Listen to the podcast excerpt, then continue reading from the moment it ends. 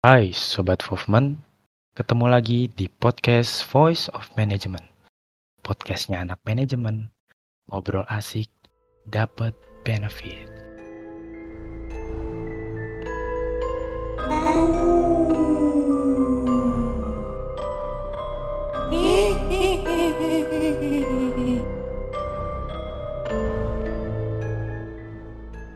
Hai hai hai Sobat Movement, kenalin aku Carolina Nataniela dari Manajemen 2021 dan pada periode kali ini aku diamanahi sebagai Staff of Public Relations HMDM FEBUB khususnya di Student Affairs Division. Nah, di sini aku tentunya nggak sendiri nih Sobat Movement, aku ditemani oleh Halo semuanya, kenalin aku Jeremy Anggi dari Manajemen Angkatan 2021. Dan pada periode kali ini, aku juga diamanahi sebagai Staff of Public Relations di HMDM FEBUB, khususnya di Student Affairs Division. Oke, ngomong-ngomong Jer, kita podcast kali ini tuh mau bahas apaan sih? Kamu nanya, kita mau bahas apa? Biar aku kasih tahu ya. Jadi, di podcast kita kali ini, ini edisi yang spesial banget nih, Lin. Kita itu mau bahas hal-hal yang mistis, yaitu adalah horor. Oh, bahas horor. Hmm, sebelum kita bahas lebih lanjut nih, Jer, kamu sendiri tuh sebenarnya percaya nggak sih sama hal-hal mistis kayak gitu?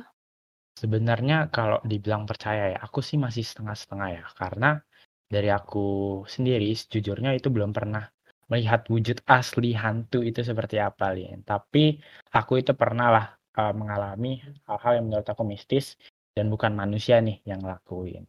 Kalau kamu sendiri gimana nih, Lin? Percaya gak nih sama hal-hal yang mistis?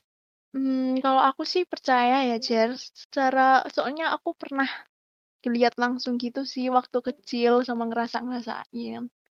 Oh, berarti kamu ini bisa ngeliat dong, Lin? Atau cuma ngerasain? Enggak lah. Oh, enggak. Kan itu waktu kecil doang. Walah, oke. Okay. Kalau boleh tahu gimana nih, Lin? Ceritanya aku jadi penasaran nih. Karena sejujurnya aku nggak pernah sih ngeliat secara langsung. Hmm, jadi waktu kecil itu aku dua kali, eh tiga kali sih sebenarnya diliatin sama sosok-sosok yang kayak gitu. Yang pertama tuh yang waktu kakek aku habis meninggal, terus ada kayak pengajian gitu kan. Nah, habis pengajian itu, habis selesai pengajian aku tuh ngeliat kakek aku tuh berdiri uh, duduk gitu kayak di tumpukan baju terus waktu aku jalan kaget lah aku kan kok kayak ada sekelebat orang duduk kayak kakek aku tapi senyum. Saya aku balik lagi tuh ke kamar itu. Eh ternyata nggak ada. Itu yang pertama. Terus yang kedua itu aku waktu mau ke Batu terus lewat jalan raya kayak jalan tikus gitu sih. Terus waktu aku jalan malam-malam dan itu uh, habis hujan lah. Aku tuh lihat dari jauh itu ada cewek rambutnya itu panjang terus dia pakai payung terus aku ngomong kayak dalam hati itu aku batin kan. Tuh cewek ngapain? Hujan-hujan tuh jalan sendiri sepi-sepian gitu kan. Eh ternyata terus mobilku lewat cewek itu kan belok kan belok ke, ke, ke gang kecil gitu belok kanan. Eh terus aku lihat lagi ke belakang cewek itu nggak ada. Terus aku mikir hah masa sih secepat itu? gitu kan. Eh ternyata waktu aku cerita itu ke papaku Terus papaku tuh bilang, emang di situ itu sering banyak orang tuh diliatin cewek. Dulu bahkan ada yang sepeda motornya itu mogok di jalan yang aku ngeliat cewek itu. Terus aku pernah lihat di depan rumah aku sendiri. Di depan rumah aku sendiri itu juga waktu kecil. Pas aku mau nutup pintu rumah, di depan pagar tetangga aku tuh ada kayak Eh, bukan manusia, tapi kayak muka itu nggak ada, tangannya itu nggak ada, jadi semua itu bentuknya kayak lancip-lancip. Terus dia itu jalan nembus pagar, kayak gitu. Siapa Eh, ya nggak bentar takut deh, coba? Lin. Bentar, Lin. Aku pengen Apa? nanya ya. Eh, tadi yang cerita kamu pertama itu, Mhm. kamu eh, bilang eh, pas itu ya, Mhm. eh, kakek kamu kan baru meninggal ya, terus kamu ngelihat eh, mungkin arwahnya gitu. Tapi Iya. sebenarnya aku mau nanya sih, pas eh, pada saat itu kamu kayak merasa ketakutan gitu gak sih? Soalnya dari yang aku tahu ya, ketika kita itu Mhm. lagi merasa ketakutan atau berpikir negatif, kita tuh malah ditampakin gitu loh. Kita malah diperlihatkan dengan hal-hal yang seperti itu. Kamu tuh lagi merasa ketakutan nggak atau gimana? Kalau aku ya waktu itu nggak takut ya, kan itu kakek aku sendiri ya, ngapain takut. Makanya aku Betul kepo. juga. Oh, oke. Berarti kalau misalkan yang uh, dari ceritanya kamu yang kedua nih sama yang ketiga itu kamu emang Nah, itu aku takut. Oh, nah itu bisa jadi sih Lin penyebab uh, kamu tuh jadi bisa melihat atau ditampakin gitu sama sosok Mm, itu. Betul.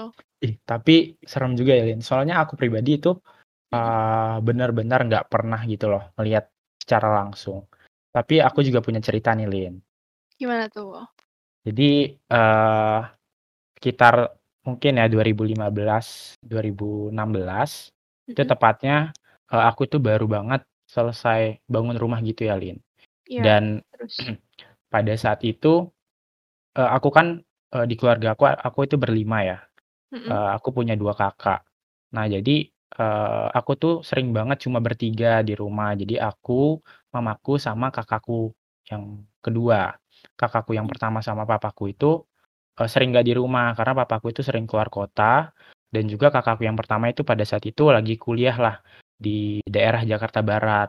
Nah, rumahku kan di Depok ya. Jadi kalau misalkan bolak-balik itu uh, agak makan waktu lah. Jadinya pas itu kakakku nginep di rumah tantaku. Nah, uh, jadi itu aku sering banget bertiga cuma di rumah. Dan singkat cerita, aku tuh mama sama kakakku ini sering banget ngedengar orang itu jalan di lantai dua rumahku. Dan itu posisinya kita lagi bertiga. Bertiga Lin di bawah.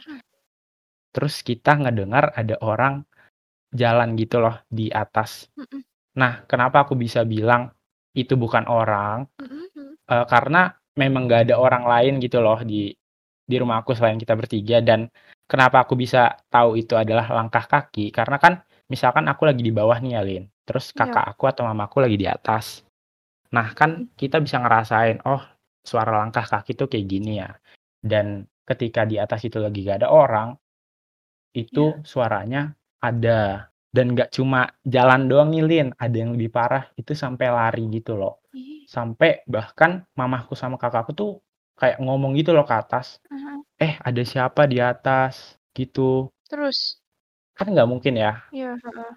ada orang lain dan siapa lagi gitu loh selain kita bertiga itu sih jadi aku nggak pernah ngeliat secara langsung tapi pernah ngerasain aja hal yang menurut aku mistis berarti kayak diganggu gitu nggak sih Jer? benar sih kayaknya pas itu aku lagi baru bangun rumah kali ya Lin mungkin mungkin dia kayak ini kan tempat aku dulu, tapi kok sekarang dibangun, mungkin gitu kali ya. Benar sih, karena dari yang aku dengar juga, ketika pas aku mau bangun rumah, tukang aku itu bilang minta doa bersama, karena kalau mereka percaya di setiap rumah itu pasti ada penghuninya. Jadi ya, uh, minta didoain agar pembangunannya lancar dan juga ya orang ataupun sosok yang tinggal di sana tuh nggak merasa terganggu lah. Mungkin dia merasa terganggu kali ya pas aku baru bangun rumah kali Alin. Mm-mm, tapi tapi ya Jar, aku mau tanya. Iya, apa tuh? Setelah kamu kan ngadain doa kan? Nah setelah ngadain doa itu diganggu lagi nggak? Atau emang sama sekali nggak pernah diganggu? Kalau awal-awal aku bangun rumah itu kan pasti setelah selesai pasti ada ibadah bareng ya. Iya.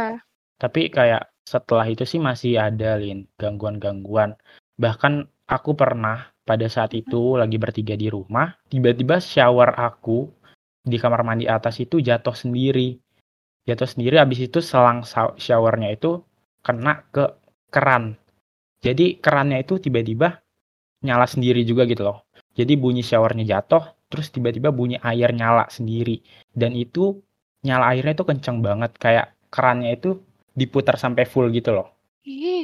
Terus? Dan pada saat itu kita bertiga langsung shock gitu karena kita kira itu maling kan kita masih yeah. berpikir positif jadi kayak mama aku sama kakak aku tuh sampai ngambil sapu gitu loh untuk ngecek ke atas. Dan ternyata tuh gak ada siapa-siapa. Itu sih yang ngebuat aku uh, pas itu takut banget. Apalagi kan aku masih belum sebesar sekarang ya. Itu aku yeah. benar-benar pas itu jadi penakut banget sih Lin. Berarti gangguan itu di atas kan ya? Iya betul banget, di atas sih. Mungkin kamu kurang penerangan nggak sih? Atau emang udah terang? Sebenarnya kayaknya nggak ada hubungannya sih, tapi Ih, ada. oh ada ya? Ada. Bentar-bentar. Kamu kamar mandi, itu kan di kamar mandi kan? Iya betul. Kamar mandi kamu nyala nggak? Oh pas itu sih mati sih Lin. Nah, yang aku dengar-dengar itu ya, kalau kamar mandi itu kan lembab. Kan biasanya yang hantu-hantu gitu tuh suka di tempat lembab, makanya kamar mandi itu nggak boleh dimatiin. Bentar deh. Apa? Eh soalnya bener juga sih kata kamu. Aku juga pernah dengar sama yang kayak kamu bilang. Mm-mm. Jadi bahkan sampai sekarang ya. eh jadi kan di kamar orang tua aku itu ada kamar mandi. Nah, Iya. tiap orang tua aku tidur itu mereka tuh selalu nyalain kamar mandi dan ketika aku Oh. matiin, mereka tuh selalu kayak bilang, "Eh, jangan dimatiin ya kamar mandinya." Nah, kan? Terus awalnya aku kayak, "Oh ya udahlah aku nyalain." Terus aku pernah nanya gitu ke orang tuaku, "Kenapa Iya. sih, Mah, ini nggak pernah dimatiin gitu kamar mandi? Kalau misalnya udah malam atau kita mau tidur kan sayang listrik." Terus mamaku Iya. bilang, "Nggak boleh dimatiin kamar mandi kalau eh, misalkan kalau udah malam-malam gitu." Apa jangan-jangan itu ya, Lin? Iya, betul. Aku soalnya pernah dengar itu dari kayak akan suka nonton kayak jurnal Risa gitu kan. Nah, mereka tuh pernah bilang kayak gitu, jangan kalau kamar mandi itu jangan dimatiin. Soalnya pasti jadi sarangnya mereka gitu. Duh, berarti mulai nanti malam aku nyalain kamar mandi di kos aku deh, soalnya aku selalu matiin sih. Ayo loh, jangan-jangan di kamar mandi kamu ada yang suka sama Enggak kamu. sih, enggak, belum ya, belum. Tapi jangan, jangan sampai. Em, terus ya, Jer, kamu selain ada cerita itu, kamu pernah ngalamin yang lain nggak? Sebenarnya Mhm. hmm, di rumah aku itu cuma itu doang sih, Lin. Tapi kalau di Indonesia ini kan banyak kayak, Lin, adat yang berbau mistis. Kamu tahu gak sih?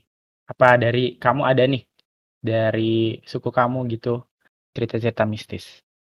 Sebenarnya aku pernah baca-baca aja sih ya. Terus yang benar-benar pernah aku lihat itu bantengan. Jadi bantengan itu kayak acara-acara adat gitu. Tapi sekarang itu masih ya kebanyakan tuh masih dilakuin tapi kayak di kampung-kampung. Jadi bantengan itu ada nanti ada orang yang pakai kayak topeng banteng gitu terus dia itu kerasukan. Nah, waktu dia kerasukan itu dia kayak makan kaca, beling kayak gitu. Terus ya kerasukan terus dia lari-lari aja kayak gitu sampai dia luka.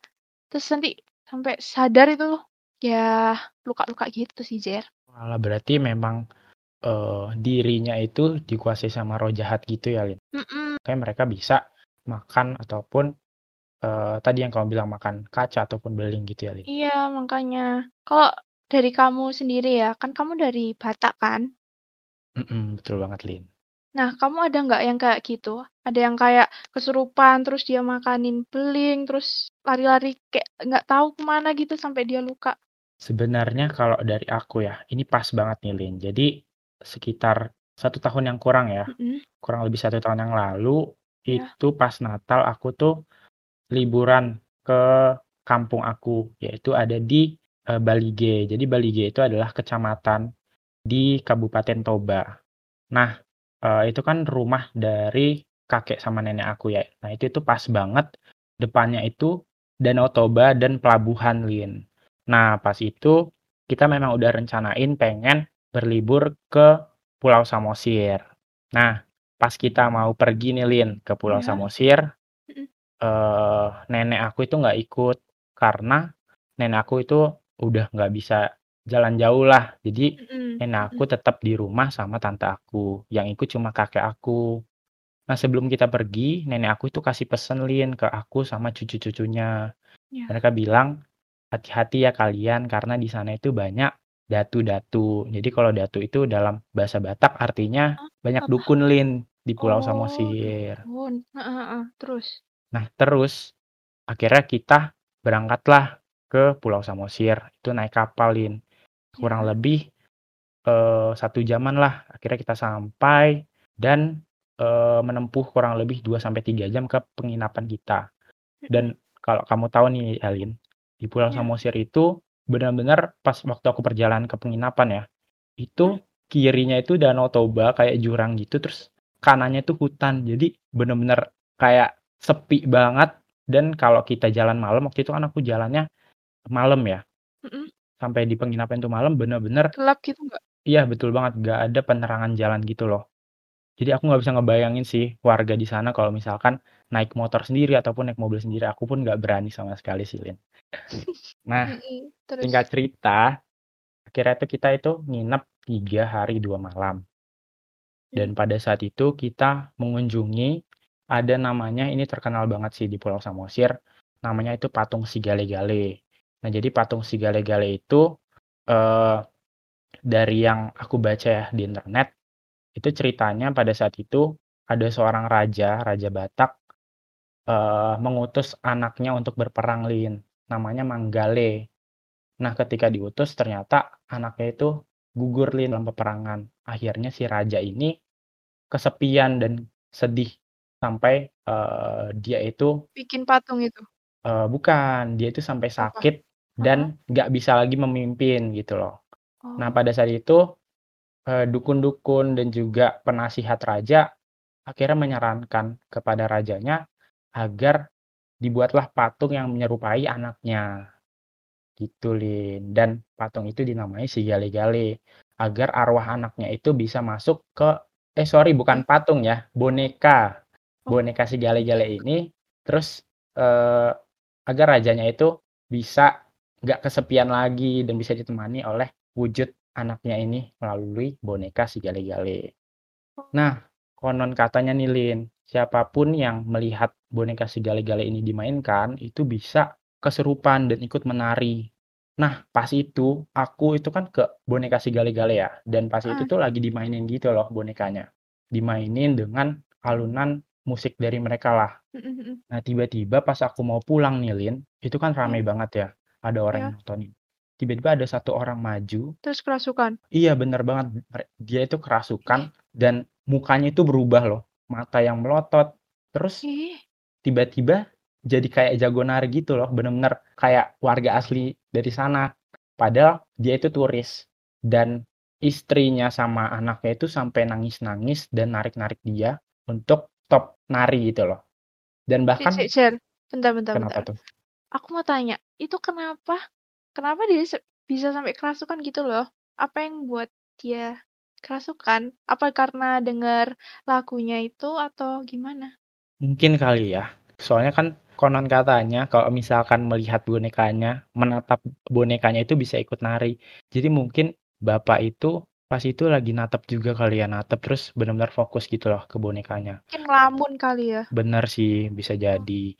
Dan pada saat itu nih, Lin, mamahnya itu sampai nangis-nangis dan minta tolong ke orang yang mainin musik dan juga mainin bonekanya untuk di-stop-in. Tapi orang yang mainin bonekanya dan juga mainin musiknya itu benar-benar nggak mau dengerin istrinya itu loh. Jadi harus sampai musiknya selesai dan permainan bonekanya itu selesai baru dimatiin.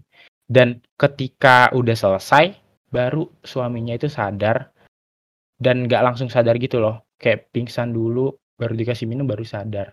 Dan itu sih pengalaman yang buat aku benar-benar serem banget dan ternyata kejadian gitu loh.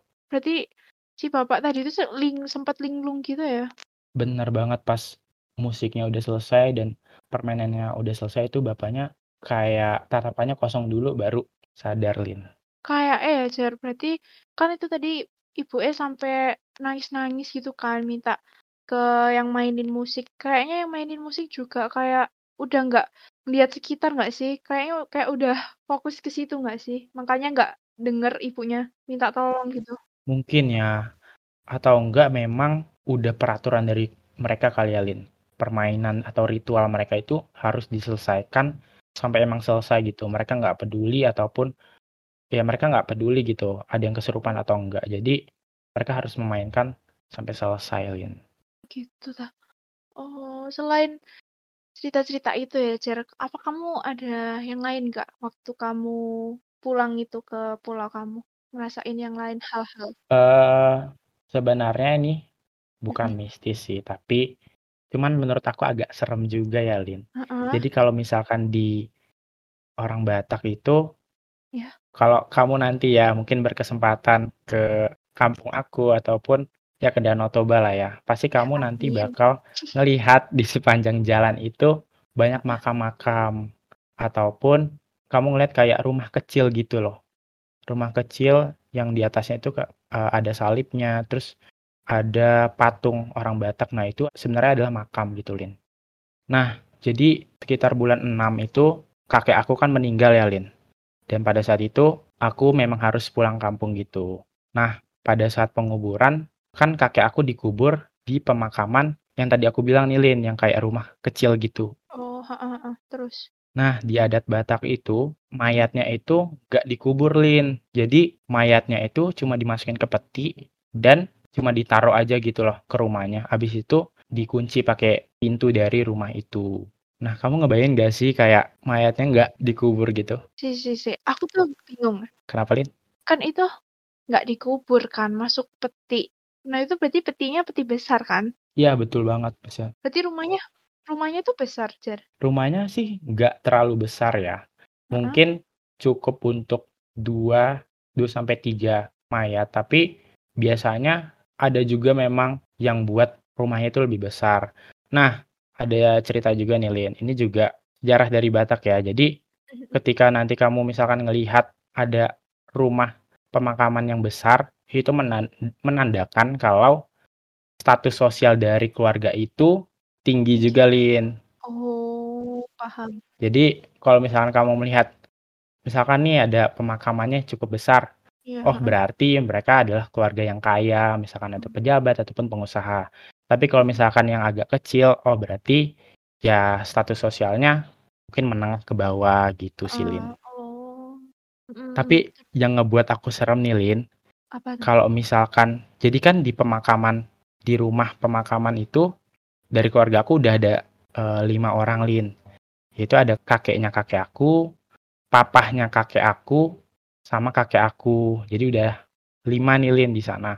Nah, yang buat aku serem itu, aku tuh ngeliat tulang-tulang mereka gitu loh. Jadi, kalau di suku aku, ketika nanti mayatnya udah berubah jadi tulang, Ya. itu harus dipindahin ke peti yang lebih kecil dan aku itu ngeliat gitu tulang-tulang dari kakek buyut aku dan juga kakek yang ya yang paling lama lah gitu Lin jadi benar-benar serem sih Yang biasanya kok kan ditunggu sampai jadi tulang-tulang kan, berarti kan bertahun-tahun gitu ya. Nah, itu nanti siapa yang mindahin, Jar? Tulang-tulangnya itu. nanti yang mindahin itu dari keluarga orang yang meninggal itu Lin jadi dari keluarga aku yang bakal mindahin dan ngecek gitu jadi kurang lebih mungkin belasan atau puluhan tahun baru dipindahin gitu sih Lin Agak serem ya lihat tulang hidup-hidup gitu. Gak bayangin. Tuh, waduh kayaknya dari tadi kita keasikan ngobrol nih Lin iya, Jar. Wah, nggak kerasa ya, Lin. Kita udah banyak cerita nih dari tadi. Tapi buat Sobat Fofman, jangan sedih ya karena pisah sama kita. Betul banget tuh, karena selain ketemu kita, Sobat Fofman itu juga bisa ketemu sama teman-teman manajemen di podcast lainnya. Oh ya, Jer, ngomong-ngomong, kan kita udah cerita-cerita banyak nih tentang horor-horor gitu. Kira-kira apa sih yang bisa disimpulin dari cerita kita nih? Dari yang kita udah omongin nih, Lin. Kesimpulannya Iya. menurut aku, kita sebagai umat beragama itu harus rajin-rajin beribadah ya, Lin. Karena Betul. kehidupan dan kematian itu adalah hal yang pasti. Jadi, dengan kita beribadah dan berbuat baik, harapannya kita itu bisa dijauhi dari hal-hal yang mistis. Oke, oke. Berarti kesimpulannya kita tuh harus tetap ibadah. Terus mungkin kita kalau di situasi yang kayak gitu tadi ya, Jer, mungkin lagi di kondisi sepi ataupun lagi sendirian, mungkin kita nggak boleh benar-benar takut sepenuhnya gitu kali ya, Jer, supaya kita nggak Betul banget, Lin. diganggu sama mereka. Kita harusnya malah kayak mikir eh, berdoa, deketin diri sama Tuhan, mikirin pokoknya ke Tuhan gitulah ya, supaya mereka itu nggak mau ganggu kita gitu ya. Betul banget. Dengan kita beribadah, maka Mhm. juga kita pikiran kita itu positif, Li. Hmm, oke Gitu deh. sih. Oh iya nih, buat Sobat Fofman, jangan lupa ya, nanti podcast kita ini bakal bisa didengerin di Spotify. Spotify. Yups, tapi selain di Spotify, Sobat Wolfman itu juga bisa dapat banyak info dari sosmednya HMDM nih yang tersedia di Instagram dan juga di line HMDM FEBUB yang pastinya informatif banget nih. Betul banget. Aku juga mau ngasih tahu nih buat teman-teman semua, khususnya Sobat Wolfman ya yang punya pengalaman ataupun uh, menang lomba-lomba gitu ya, Lin. Itu Betul. bisa banget nanti isi form Pride of Management. Nah, bisa mengisi melalui linknya ataupun scan barcode-nya yang ada di link tree di bio HMDM FEBUB. Bener banget tuh, Jer. Buat teman-teman yang punya prestasi prestasi-prestasi itu bisa langsung ngisi form Pride of Management gitu ya, Jer ya. Betul banget. Oke deh, kita udahan dulu kali ya, Jer, iklannya. Karena udah durasi juga nih dari Timekeeper. Sekian dari kita. Bye-bye, Sobat Pokemon.